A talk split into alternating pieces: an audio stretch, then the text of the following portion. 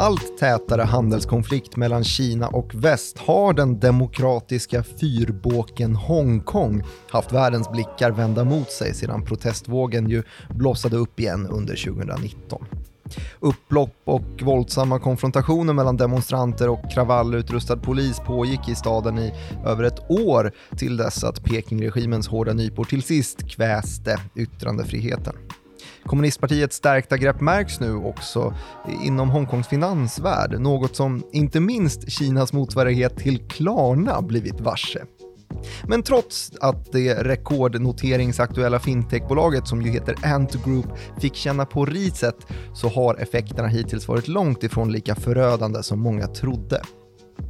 Kan alltihop kanske tas som ett omen om en pågående rörelse i världsmaktsordningen där västvärldens och demokratins ekonomiska maktställning till slut faller med början i det maktvakuum som ett omstritt amerikanskt presidentval försatt oss i? Jag som heter Martin Nilsson och är programledare vet inte riktigt, men vi får väl se om kanske utrikesredaktör Joakim Rönning gör det. I det här programmet som ju heter Follow the Money, podcasten om makt, storfinans och börsen. Kina ska vi prata om. Eh, Joakim Rönning, vad, vad skulle du vilja säga om det? Ut med Milton Friedman och in med Karl Marx kanske? ja, det kanske är ungefär vad det här handlar om. Ja, det kan man väl indirekt säga i alla fall. Om man ska dra det hela långa, men vi kan väl börja på lite mikrokosmiskt först kanske. Mikrokosmiskt först. Jag skulle vilja ha, ja men kanske, kanske lite historik till att börja med. Hongkong har ju, eh, har ju rik sådan. Mm, det kan man säga. Um, och Kina som ekonomisk uh, nation också ju, som ju har haft en rätt uh, brant kurva uppåt de senaste 30 åren ju. Mm. Um, och nu sitter man på världens näst största ekonomi. Mm. Från att ha varit ett um, rejält, liksom världens största uland var det ju. Um, kan man väl, alltså väldigt mycket uland, ett väldigt stort land med väldigt mycket folk. Så mm. kan man väl kategorisera Kina, om det går att kategorisera på det sättet. Man kan kategorisera på massa olika ja. sätt. Mm. Men uh, det har i alla fall blivit ganska tydligt att uh, Kina lite grann uh, föll i glömska där när Sovjet föll. Mm. 91 var ju det. Och att man liksom innan um, redan innan kalla kriget, eller när kalla kriget bröt ut kan man väl säga, uh, efter andra världskriget, så, så var ju Kina inget reellt hot, liksom, utan det var ju en, ett fattigt land mer eller mindre, mm. som uh, trätt mest med sina grannländer um, om, om olika maktanspråk och haft sina dynastier genom historien.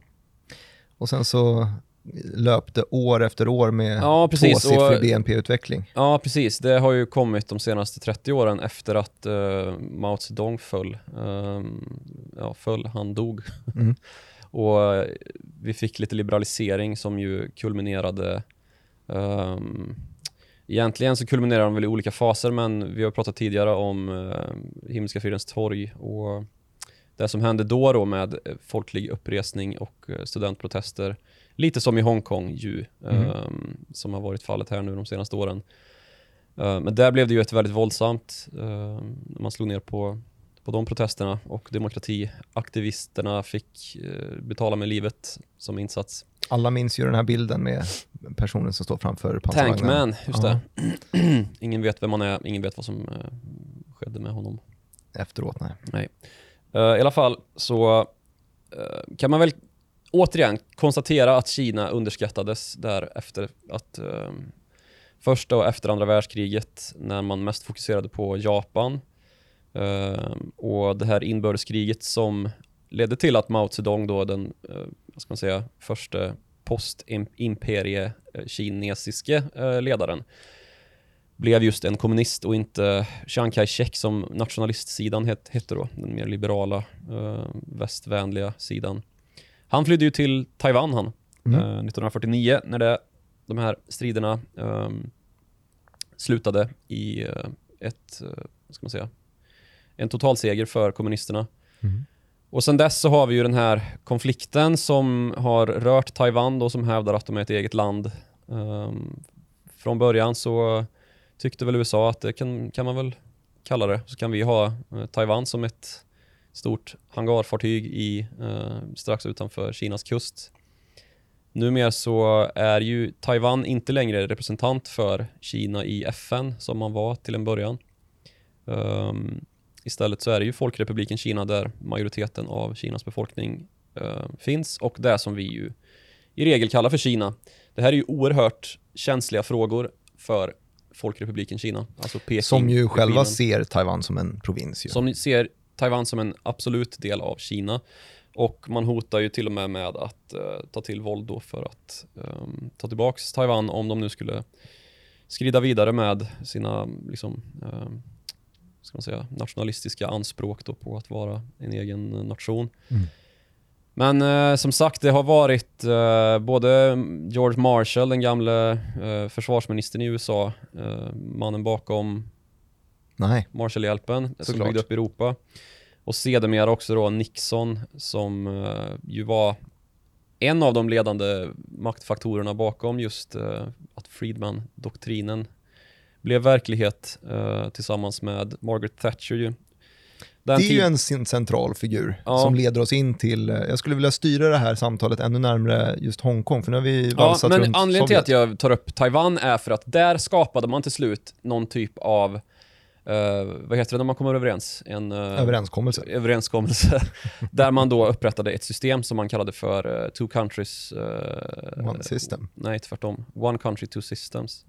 Så heter det, Ja, just det. Nu ska vi lägga orden rätt. verkligen. Och det här kommer ju även senare då att eh, tillfalla Hongkong. Mm. För Hongkong har ju ingenting med allt det där att göra, tänker man. Eftersom att Hongkong ju på den här tiden innan 1997 var en brittisk eh, provins ju. Mm. Som då återlämnas 1997.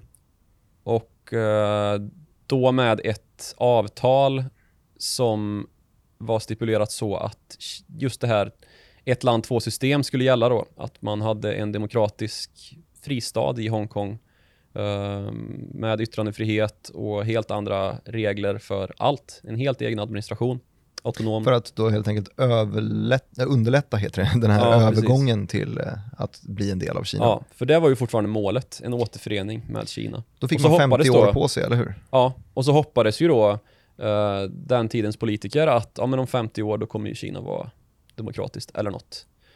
Ehm, så har det inte riktigt blivit. Det har inte gått 50 år heller. Nej, det har det inte i och för sig. Men eh, det kommer inte gå 50 år heller, för nu kan vi redan konstatera att eh, Kina ju, eh, Kväst yttrandefriheten. ja, som det så fint hette i introt här ju. Mm. För det här, du det, autonomiteten blev ju eh, nedstängd ju här i, i somras. När då de här studentprotesterna som det började, den så kallade paraplyrörelsen som, som började sin eh, Ja, men sommaren Sina- 2019 då va? Ja, precis. Ja. Först så började det ju 2014, det var lite grann om en annan sak. Men det, det är liksom, har ju alltid tangerat demokratifrågor för Hongkongborna då, att de vill vara eh, självständiga, de vill ha, de vill liksom ehm, hålla kvar sin ja, autonomitet och sin demokrati, sitt, sitt fristyre.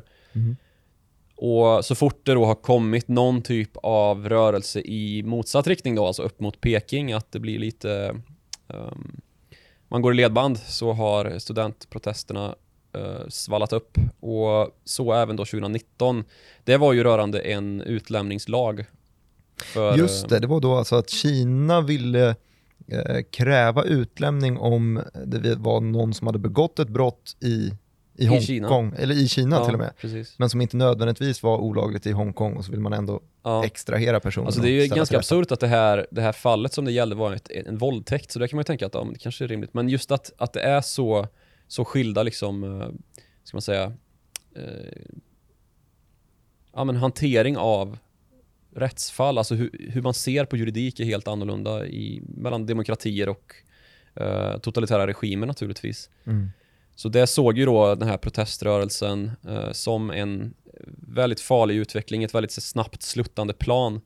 Och det ledde ju till att de här protesterna blev väldigt omfattande och väldigt segdragna och att till slut, eh, alltså till skillnad från 2014 när Carrie Lam då som är den, eh, ska man säga, hon är som en statsminister i Hongkong. Mhm. Um, att hon kunde backa 2014 Det fick hon inte tillåtelse att göra då av Peking under 2019 och 2020 och till slut då när de här protesterna bara hade pågått och pågått och pågått i över ett år så till slut så kom ju beskedet från Peking då att nu inför vi eh, nya säkerhetslagar som är helt i linje med Kina i övrigt i princip.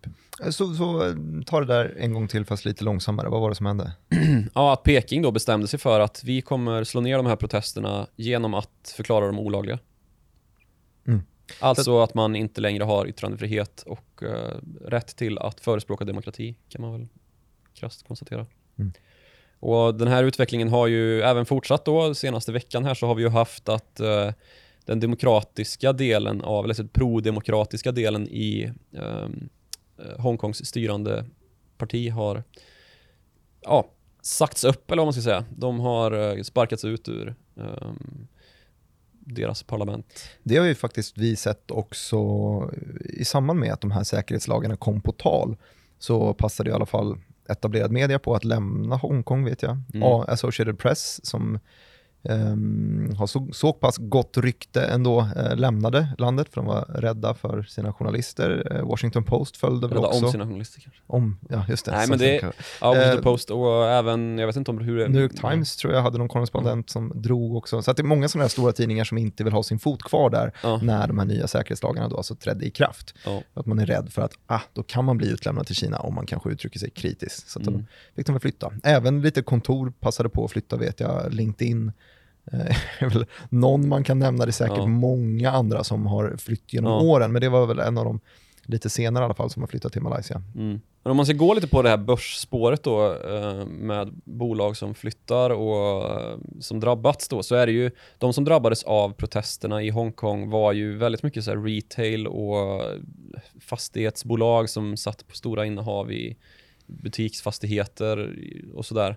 Just för att det var stökigt Ja, på precis. gatorna. Alltså liksom. väldigt realekonomiskt egentligen. Att Ja. de, de fick hålla stängda butik, ja, butikerna fick hålla stängda för att det var så våldsamma protester som pågick där utanför och eh, ja, na- naturligtvis så galleriaägare går det inte så bra när butikerna inte håller öppet liksom. Nej. Flygbolag håller inte heller så, har inte heller så starkt liksom när eh, folk inte kan ta sig till flygplatser eller får resa ens eller vågar resa. Men hur slog det mot eh, själva Hongkong-börsen som ju är ganska central? Den Ja, citerar alltså- vi ofta. Ja, precis. Hang Seng är ju eh, en, det är väl den största börsen, jag vet inte hur det ser ut, men om Tokyo-börsen kanske är större, men det är ju en av de största börserna i världen liksom. Eh, och Hang Seng då som är huvudindexet där var väl ner mer än regionen de här dagarna när det var som allra värst. Ehm, men det var fortfarande inte liksom någon total krasch, det var inte coronakrasch liksom. Eh, Mm. så det var ju, det var ju isolerade händelser, eller eh, det, det togs väl som en isolerad händelse som är liksom väldigt Hongkong-baserad och ehm, att de som har affärer i Hongkong naturligtvis drabbas av det. Men Men det är väl också en sån sak man får tänka på vad gäller Hang Seng, att bolagen som är noterade där eh, har väl inte nödvändigtvis all sin business i Hongkong, utan nej, det är precis. väl mycket Exakt. Kinas Ja. plånbok lite Ja, grann. det är ju Kinas plånbok ja. Om vi ska komma in på just Hongkong som, eller stanna kvar vid att Hongkong är liksom Kinas finansiella centrum ju, eller hela den delen av världens centrum, Sydostasien. Mm. Och att eh, det ända sedan Hongkong-börsen startades har fungerat lite som en, en liksom, ett sätt för kinesiska bolag att ta sig ut på världsmarknaden och eh, äska pengar, för det är ju det man gör på en börs i princip. Mm. Kommer närmare kapitalmarknaden och, och kan eh, finansiera sina verksamheter. Ehm, den, den rörelsen har ju tagit fart ytterligare då sedan Kina kom med i Världshandelsorganisationen WTO 2001. Ja. Och ehm, som sagt, det är en av världens största börsplatser idag. Och det var ju någonting som många då kanske drog öronen åt sig ehm, rörande när den här säkerhetslagen togs i akt då, och att demokratin helt plötsligt inte fanns kvar i Hongkong. Just att det här skulle liksom läcka in i det finansiella systemet, att det skulle bli mer likt Shanghai och uh, Shenzhen-börserna där, man vet, där vi vet att det, det är helt andra regler för, för de finansmarknaderna än, än vad vi har här i väst. Mm. Ehm, och att det vi kallar för sovereign risk på engelska, jag vet inte om det finns något bra Suverän risk i så fall. Det Ja, känns som att man har läst stats- någon någonstans. Statsrisk typ. Ja. Alltså att verksamheter riskerar att drabbas av då att de ekonomiska förutsättningarna i ett visst land eller att en regering eller Spelreglerna ändras Precis, enkelt. spelreglerna ändras, ändras i marknaden ja, som påverkar då bolag på särskilda vis. Det här var någonting som man pratade ganska mycket om när um, Saudi Aramco, det saudiska oljebolaget, skulle noteras att det är ju ett bolag som ägs till typ 98,5% fortfarande trots att det var världens största noteringsemission här som gjordes 2019 Mm. till, av saudiska staten då. Och vad de gör med sina, eh, med det här bolaget, det är ju upp till dem liksom. Det är till en totalitär regim i Ja, jag vill minnas om, om just, just Tadawul-börsen, så vill jag minnas att jag hört en anekdot om att, ehm, ehm, att Nasdaq-medarbetare var nere och, eh, och skruvade om inställningarna på börsen där, alltså för, för många, många år sedan. Eh, och så märkte man att, ja, men vad är det för transaktioner som sker här mot slutet av dagen här på Tadawul-börsen? För det, det, det är alltid en stor andel ordrar som, som det verkar ha blivit fel i som, och som har makulerats. Det ser vi inte på våra andra börser runt om i världen. Nasdaq är ju börsoperatör på må- många platser Mm. eh, Sverige däribland. Ehm, och då visade det sig att ah, nej, men det, är, det, det, det är prinsens. Och han kan ju inte torska. Ja. Och det är ju en sån där, en, spelreglerna som inte riktigt ser likadana ut eh, överallt. Nej, precis. Eh, Det Som man då är rädd för att, aha, Ja. då, det här är ju svårt att räkna med. kan man säga ja. Eh, och på tal om rekordnoteringar då, ehm, så inträffade ju en väldigt notabel händelse här ganska nyligen när um, fintechbolaget Ant Group, ju, som vi sa i introt här, Eh, Kinas, Klarna. Kinas Klarna, ja precis, skulle ju börsnoteras och det skulle faktiskt bli en noteringsemission då som skulle överträffa Saudi Aramcos som ju är den rekordstörsta. Ehm, Ja, men nu får man ju helt enkelt lägga rekorden i olika, det är olika typer av rekord, eller hur? För Saudi Aramco skulle ju då vara, bli världens största noterade bolag, eller hur? Där vid noteringen, medan det här handlar om, Jag tror att rekorden, att jag, jag, jag tror att emissionen skulle bli den största någonsin. ja det skulle vara så också. Ja. Uh, jo, och det, men det är ju ett sjukt stort bolag, ja. Det är det, det är det. ja. Men, men, eh, Men de tog in typ 40 miljarder dollar eller någonting i, bara i ja, inte emissionen. riktigt, men det, det var väl summan som man pratade om med Ant Group nu, Mm. eh, kinesiska Klarna då, att de skulle ta in ungefär mellan 30 och 40 miljarder dollar Mm. motsvarande då i, i en dubbel notering som både skulle ske i Shanghai och på Hongkongbörsen. Mm. Ehm, den här noteringen blev ju inte av, vet vi idag. Eh, och det var ju väldigt mycket ehm, intressanta händelser som ledde till det. Det skulle bli en riktig prestigenotering. Ja, precis. Och samtidigt då som Hongkongbörsen har haft som ambition att bli liksom ännu större naturligtvis och bli IPO-börs, alltså börsnoteringsbörsen för de lokala bolagen från, från regionen så har ju New York-börsen haft väldigt många noterbara kinesiska noteringar. Men New York-börsen har ju eh, faktiskt varit de, de man ska till, liksom. Ja. om det är ett stort bolag. Det är väl delvis varför Spotify inte hamnade i Sverige, utan de hamnade Precis, det är andra mycket mer istället. likvider att hämta in där ju. Ja, och man får en jäkla fet värdering också, verkar Ja. det som. Precis. Och det, Den platsen vill, vill Hongkong ha, eller hur? Ja, precis. Och det ledde ju till att, eh, eller man hade ju viss framgång i det här ju. Man fick bland annat eh, Alibaba, e-handelsgiganten, att, eh, alltså kinesiska Amazon, att ah, notera, sekundärnotera då i eh, Hongkong här under ja, 2019 var det väl. Mm. Eller om det var början på 2020. Och det var ju liksom en prestigeseger. Eh, seger. Ehm, och andra bolag då som hade kanske pausat sina noteringsförberedelser i samband med då de här protesterna kom tillbaka och liksom eh, gjorde noteringar. Bland annat AB InBev vet jag, de som äger Budweiser och världens största bryggeri. Mhm. eh, gjorde, ja, de noterade sina asiatiska och australiensiska tillgångar där så. Så det, det var liksom, blev fart på grejerna igen ganska snart efter att eh, protesterna lagts till handlingarna då. Men sen så kommer Ant Group alltså. Och i samband med att den här noteringen ska göras, bara några, några veckor innan det, så står alltså Ant Groups största ägare som är Jack Ma. Och han är alltså Kinas motsvarighet till Jeff Bezos Mm. som äger Amazon, alltså världens rikaste man brukar han refereras till. Mm. Um, Jack Ma äger alltså även en väldigt stor post i Ant Group, då, finans, eh, fintechbolaget Kinas Klarna. Och anledningen till att han gör det är att uh, Ant Group är en, ett spin-off-bolag som har uh, knoppats av från Alibaba. Det var från början deras, liksom, uh, ja, de möjliggjorde för Alibaba att ta betalt på sin e-handelsplattform i början. Mm. Och sen så har ju det här utvecklats till betalappen Alipay och verkligen tagit ett grepp om den kinesiska kreditmarknaden med konsumentlån och, och ja, betaltjänster. Kinas Swish brukar det ju refereras till här i Sverige. Uh, och det här har man då i konkurrens med WeChat Pay som ju är en motsvarighet till typ, ska man säga, uh, WhatsApp eller Facebook Messenger som man också kan överföra betalningar Jag förstår mig att det är väldigt smidigt. Det är Tencent som har den va? Det är Tencent som äger, ja precis. Och Tencent är ju den andra stora liksom, nätjätten i Kina egentligen. Mm. eh, som, som har enorma internettillgångar. Mycket inom gaming ju. Mm. Och precis då, man brukar referera dem som typ Amazon och eh, ja, Facebook. Eller, ja, det är lite allt möjligt ju. De har så många grenar så att det är svårt Något internetigt. Ja, men lite, lite fang, alltså kinesiska fangbolagen. Mm. Facebook, Amazon, Netflix, Google och Där har du Alibaba, Baidu och Gänget. Tencent typ. Ja, precis. Och i samband med då att Jack Ma åker till en konferens och gör en del uttalanden så, så blir det lite missämja mellan honom och eh, kommunistpartiet då och de kinesiska myndigheterna i förlängningen. Det vill man ju inte. Nej, och det han säger är då att eh, de här, för det har ju seglat upp ganska mycket oro kring Ant Group då och dess gigantiska magnitud.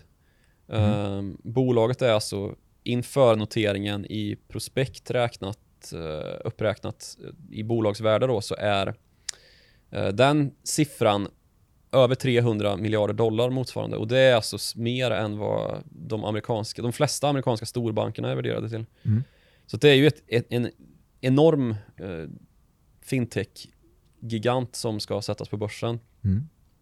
Och det här har då oroat de kinesiska myndigheterna på förhand. Man har eh, redan innan den här händelseutvecklingen som nu ska följa kallat liksom till sig Ant Group och ställt lite frågor om hur, hur ser era liksom, eh, hur, hur ser ett kap, er kapitalförsörjning ut egentligen? Um, För man är lite orolig då eftersom att man har typ väl monopol på hela den finanssektorn Ja, i det Kina. Det, ju. ser Alltså- inte ut så att det är egna privata banker. Liksom. Nej, det är ju statliga banker alltihop och det är ju ett trögrörligt system för det är i princip myndigheter det handlar om där ju. Mm. Och i alla fall så då rider Jack Ma på den här konferensen ut till angrepp mot eh, de kinesiska myndigheterna och de kinesiska bankerna. Han kallar bankerna då för att de har en pantbanksmentalitet som hör hemma för flera hundra år sedan. Mm. Och han kallar de eh, kinesiska myndigheterna för, alltså finanstillsynsmyndigheterna, motsvarande FI här då, för att vara liksom, eh, entreprenörskapskvävande och eh, att de snarare liksom stävjer all typ av uppfinningsrikedom än bidrar till utveckling. Mm. Och så säger han att eh, Ant Group utgör ingen finansiell eh, systemrisk för Kina, för Kina har inget finansiellt system att skada. Då blir Eh, Xi Jinping rosenrasande. det är precis vad som hände faktiskt, Ja. enligt eh, vissa nyhetsmedier i alla fall. Ehm, att Xi Jinping då till slut efter att eh, ja, en radda myndighetspersoner har påkallat uppmärksamhet kring Jack Mas uttalanden då så kallar han till sig um, Liu He som är typ Kinas finansminister. Han är vice premiärminister. Men han, jag tänkte precis fråga, hur är man typ ja, finansminister? det är lite Ja. annorlunda där, hur det ser Ja. ut med ministerposterna. Apropå systemrisk och sånt. Ja, men han han är i alla fall, han är den som har skött typ handelsförhandlingarna med USA de senaste åren och sådär. Det har Så gått bra. är ja ja, men han, han i alla fall uh, kallar i sin tur till sig Jack Ma och ett gäng till då från, uh, från uh, Ant Group. Och till skillnad från hur det brukar se ut så, när, när det sker såna här utfrågningar då inför olika, ja men i, med näringslivstoppar då inför um, ja, kommittéer och sådär när det gäller frågor som, som stör kinesiska regimen och de kinesiska myndigheterna så är det här väldigt öppet. Det brukar vara ganska mycket hysch-pysch och ingen säger något för, och plötsligt bara händer det någonting. Mm. Det är ganska mycket chockbesked liksom sådär. Mm. När det kommer till enskilda bolag och plötsligt är någon dömd till 18 års fängelse. Väldigt mycket stängda dörrar. Ja. Ja, eh, det hände bland annat kring försäkringsbolaget Anbang vars eh, ordförande och vd plötsligt satt i straffarbetsläger typ. Ehm, Men vad det gäller eh, Jack Ma då, alltså Alibaba och Ant Groups storägare och en av världens rikaste män, så är det väldigt inför öppen ridå. Ehm, Men hur vågar han kritisera? Han känner att han är too big to fail eller vad? Ja, det är ju frågan liksom vad, vad som gjorde att han red ut så hårt. Ehm, men det är ganska, för mig i alla fall, ganska uppenbart att det här har ju att göra med en, dels då att uh, Ant Group och Alibaba bidrar till en konsumtionshets som kanske inte är ehm, faller i så god jord hos kommunistpartiets gubbar liksom. Mm. Och sen också då att den ehm, affär som han har drivit upp, hans entreprenörskap har ju gjort honom till en av Kinas mest kända personer och framförallt Kinas rikaste person.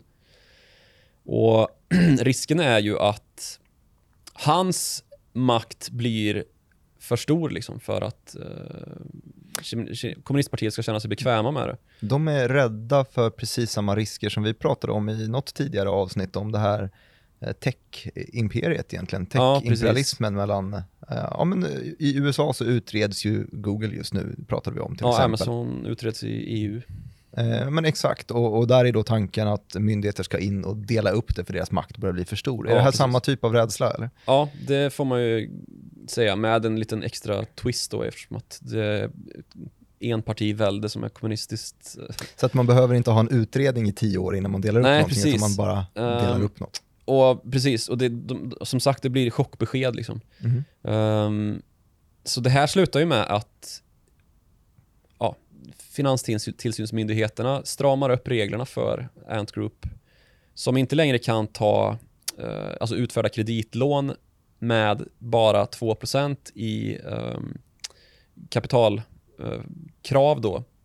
För att Och kapitalkrav, alltså hur mycket pengar de måste ha i, i säkerhet i kassan för att kunna Precis. eh, ge ut lån. Ja, Istället så har de 30% det är ju från högre. dag till en annan.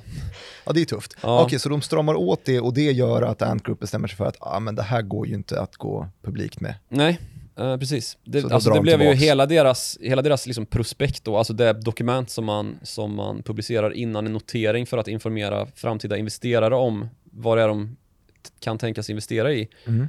Allt det blir ju förlegat liksom. Eh, Det stämmer ju inte längre. Så hela den här noteringsprocessen som bara var några dagar bort kollapsar ju. Mm. Och besked kommer ganska snabbt om att eh, ja, Shanghai-börsen ställ- ställer in och sen så att eh, Hongkong-börsen också ställer in. Chockbesked, sovereign risk. Ja, det kan man ju lugnt konstatera.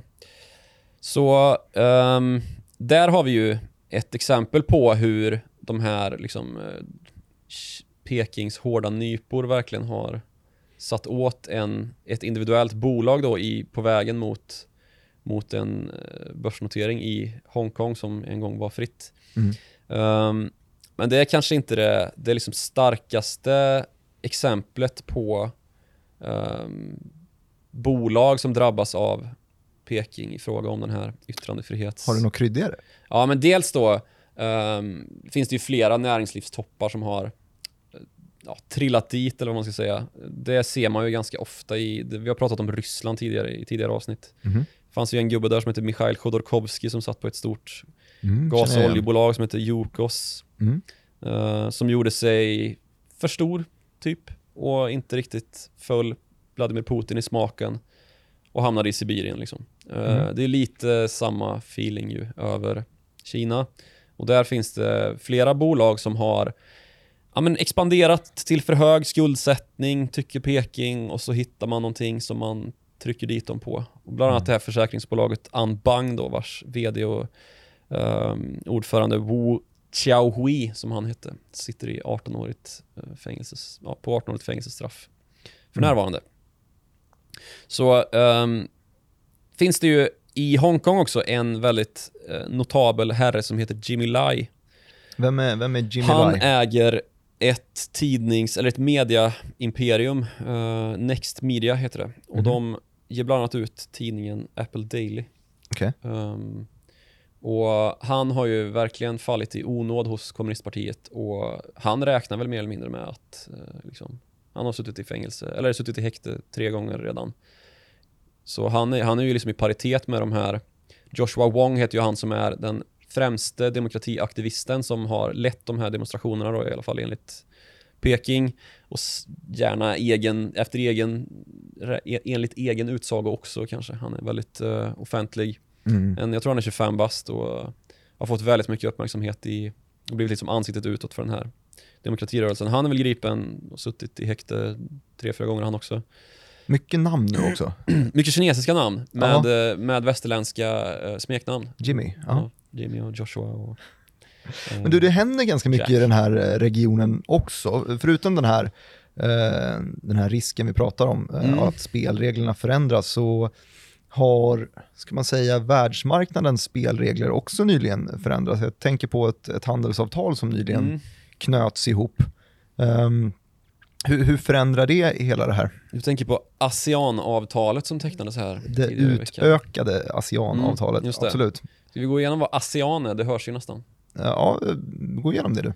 Uh, ASEAN det är alltså länder i Asien och Indiska oceanen. Ja, och hela vägen ner till, eh, till Australien och, eh, ja, och ditåt. eller Pacific Ocean kanske. Så heter det kanske. Det vi vet i alla fall eh, är att det här är, um, det täcker in typ en tredjedel av, eh, av världs, världs BNP. Eh, Ja. Länder som motsvarar en tredjedel av världens BNP och ungefär lika stor befolkning också ju. Ja, ett Eh. väldigt stort handelsavtal. Väldigt, väldigt stort handelsavtal som eh, överskuggar det gamla, kommer du ihåg TTP-avtalet? Ja.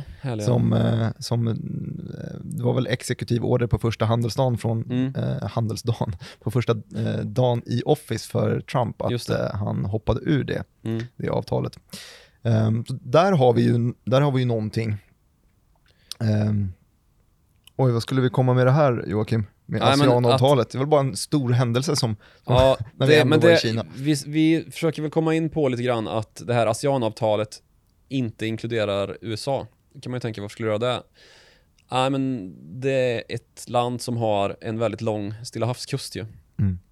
Ehm, och alltså det, det finns ju ASEAN är ju en, en väldigt massa länder eh, som är ganska små i regel. Aha, Ja. Vietnam är ju kanske ett av de större länderna i, i ASEAN. Laos till exempel. Ja, Laos är med. Ja. Men sen så har vi ju en massa ehm, tillslut, eller äh, anslutande länder då som eh, Sydkorea, Japan, Nya Zeeland, Australien. Mm. Och den här gången, det som är liksom stort i det här är att Kina anslöt sig. Mm.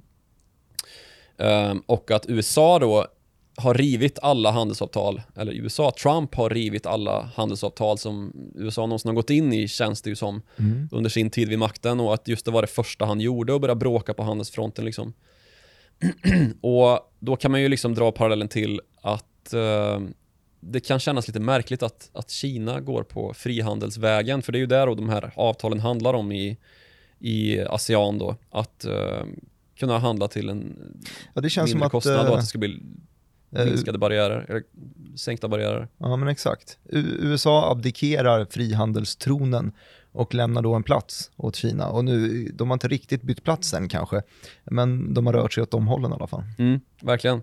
Eh, och om man tittar då på hur världs-BNP ser ut idag kontra hur den eh, ser ut, alltså vart, vart den trendar åt, så är det ju den här regionen uh, det trendar mot ju. Mm. För vi har då en, alltså för, för 30 år sedan var det ju helt odiskutabelt så att USA och Europa var de största ekonomiska, alltså det var de ekonomiska stormakterna Mm. och såg ut att förbli så även eh, alltså över väldigt lång tid. Den här enorma tillväxten vi har sett i Kina då, de senaste 30 åren har ju le- lett till att eh, det knappt går att eh, kategorisera som ett utvecklingsland längre. Mm. Och att eh, den här delen av världen snart står för mer än hälften av världens BNP. Det är inte så jättelångt dit. Och att vi kommer att se ett, eh, ett skifte där Kina går om USA och blir världens största ekonomi eh, inom en liksom, överskådlig eh, framtid. Innan eh, det här avtalet med two countries, one system eh, Ja, alltså träder det skulle, ju ha, det skulle ju ha trätt i kraft 20, 47. 47 ja. 50 år efter 97. Ja. Ja, men det är ju redan på dekis. Det är ju frågan om hur länge Hongkong kommer, kommer ha eh, liksom, rösträtt längre. Och därefter kommer Taiwan, eller?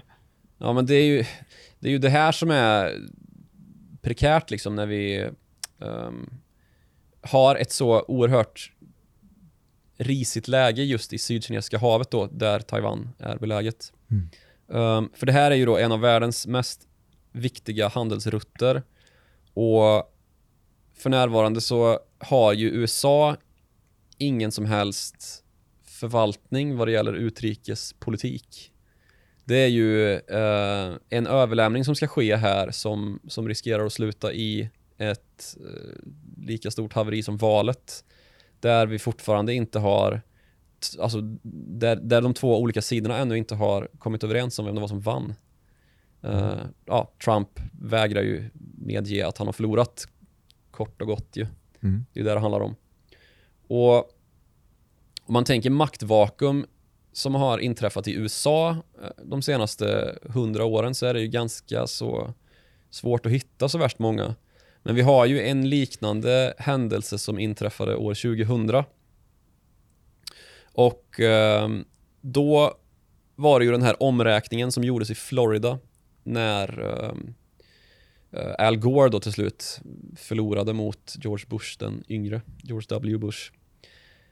Där kunde man konstatera då att de här um, det här, det här maktvakuum som uppstod när det inte blev en ordentlig, liksom när den här överlämningen som sker mellan två presidentadministrationer försenades så kraftigt var att många myndigheter hade svårt att koordinera sig.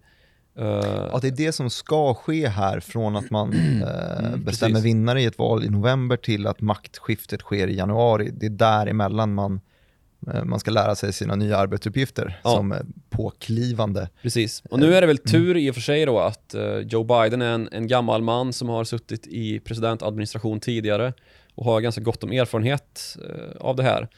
Men just det här faktumet då att eh, det säkerhetspolitiska kan hamna i skymundan under sådana här processer.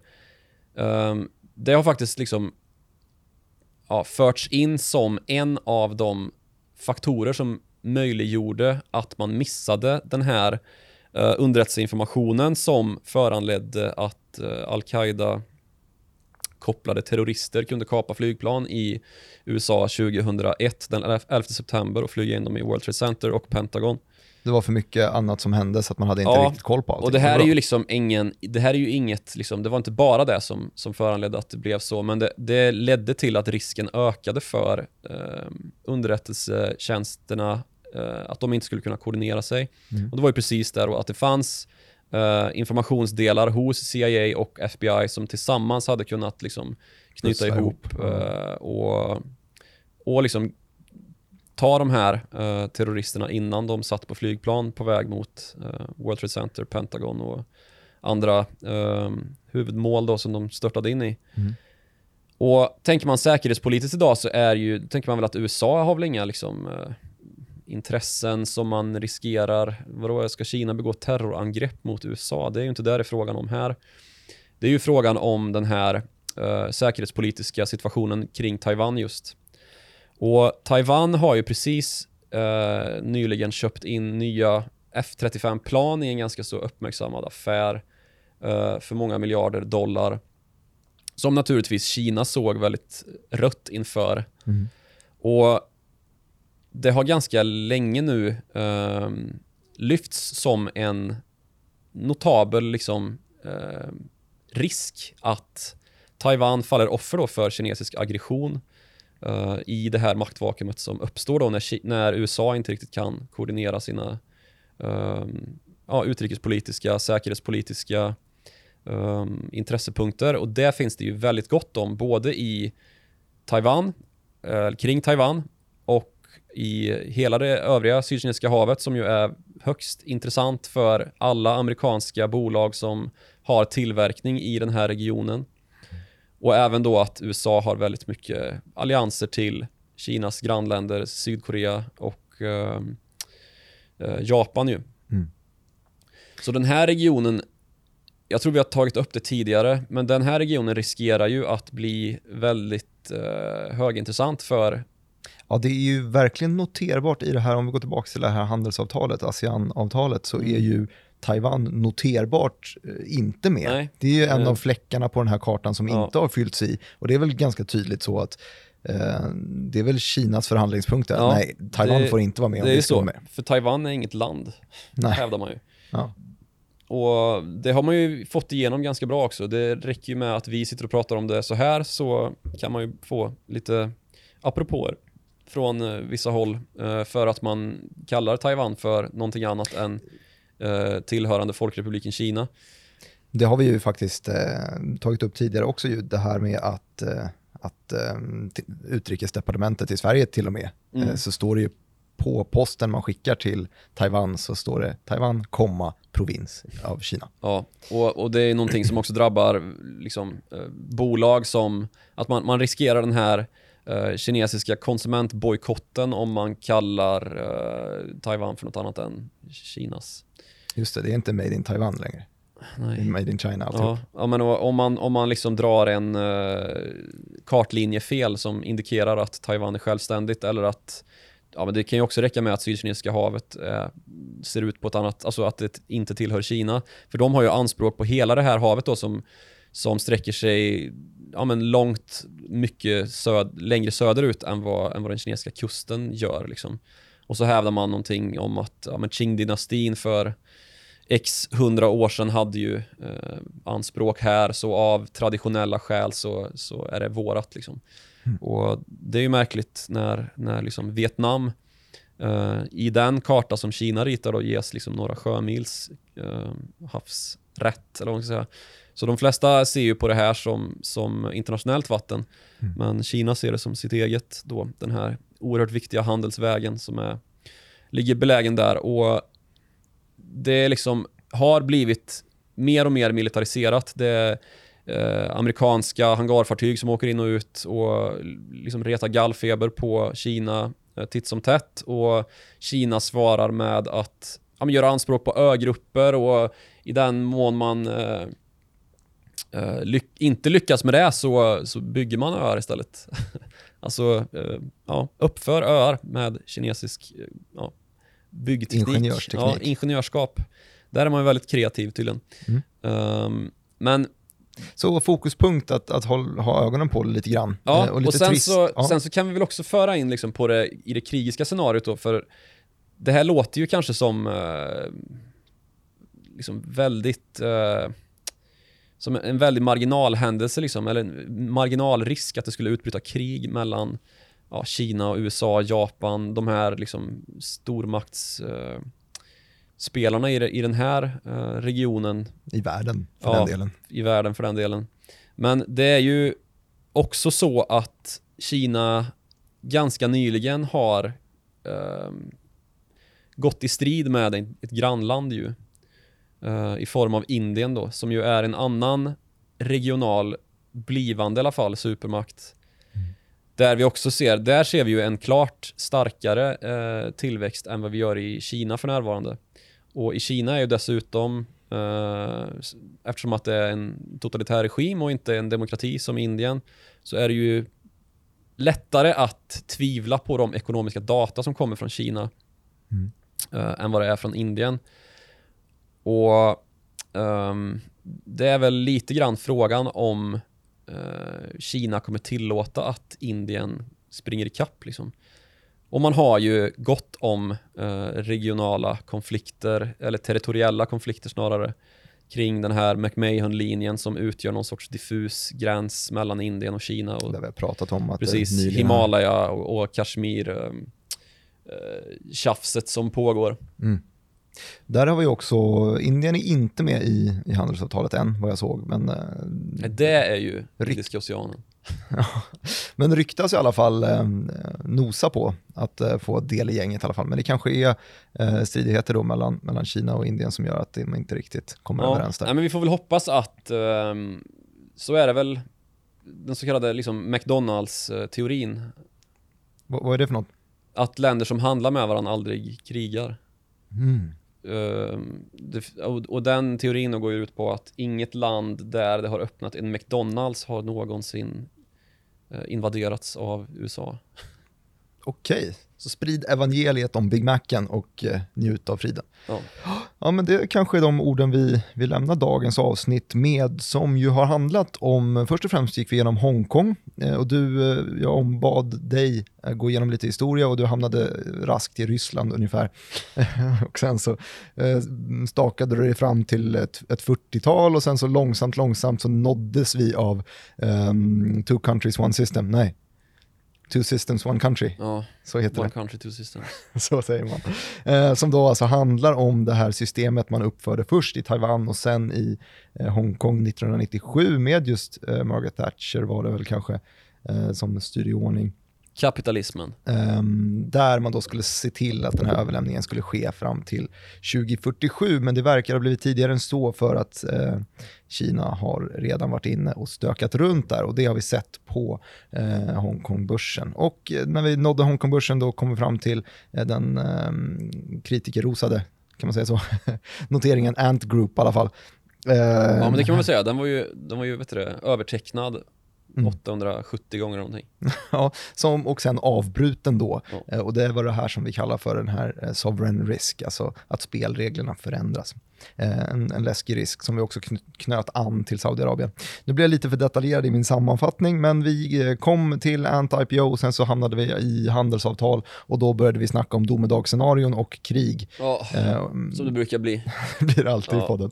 Men, Men, det är ju en intressant liten poäng i alla fall att samtidigt då som Kina ju har eh, sin historik med kommunism så är det nu kapitalistiska stormakter som USA som eh, för handelskrig och försöker stänga ner frihandel för aktörer som Huawei.